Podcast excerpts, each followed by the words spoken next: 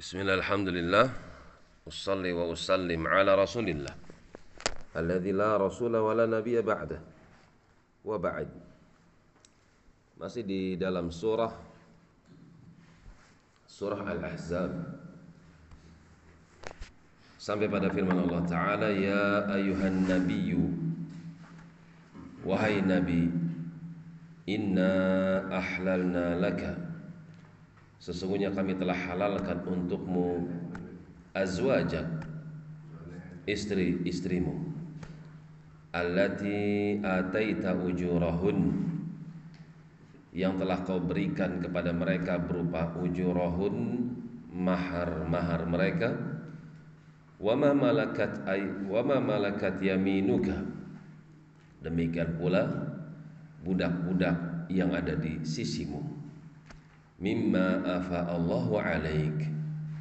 Daripada apa yang telah Allah berikan kepada engkau berupa harta fai.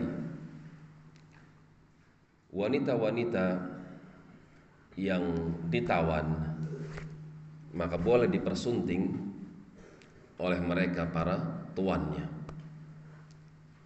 Wabanati ammik demikian wanita yang dihalalkan oleh Allah Subhanahu wa taala untuk kau nikahi adalah putri dari amik, dari paman, dari asal keluarga bapak.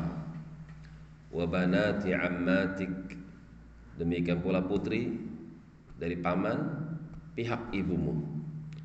Wa banati khalik demikian pula paman atau anak paman, putri paman dari pihak paman dari pihak ibumu. Wa banati khalatik demikian pula putri-putri dari bibi dari pihak bapakmu.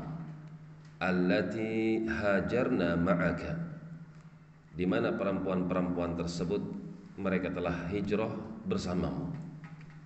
Seperti Ummu Habibah radhiyallahu taala anha wa imra'atan mu'minatan Demikian pula perempuan-perempuan yang beriman. In wahabat nafsaha lin nabiyyi.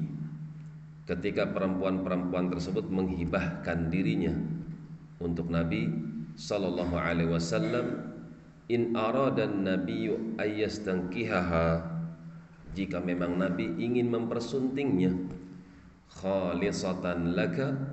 Ini adalah kekhususan untukmu min dunil mu'minin. Tidak pada orang-orang yang beriman selain engkau. Di antara kekhususan Nabi Shallallahu Alaihi Wasallam beliau boleh menikahi wanita yang wanita tersebut menawarkan dirinya untuk dinikahi tanpa ada mahar.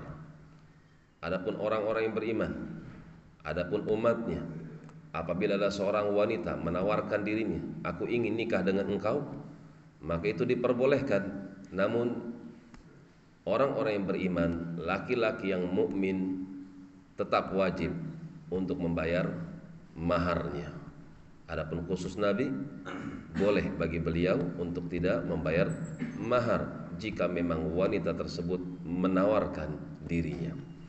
Demikian والله تعالى أعلم بالصواب.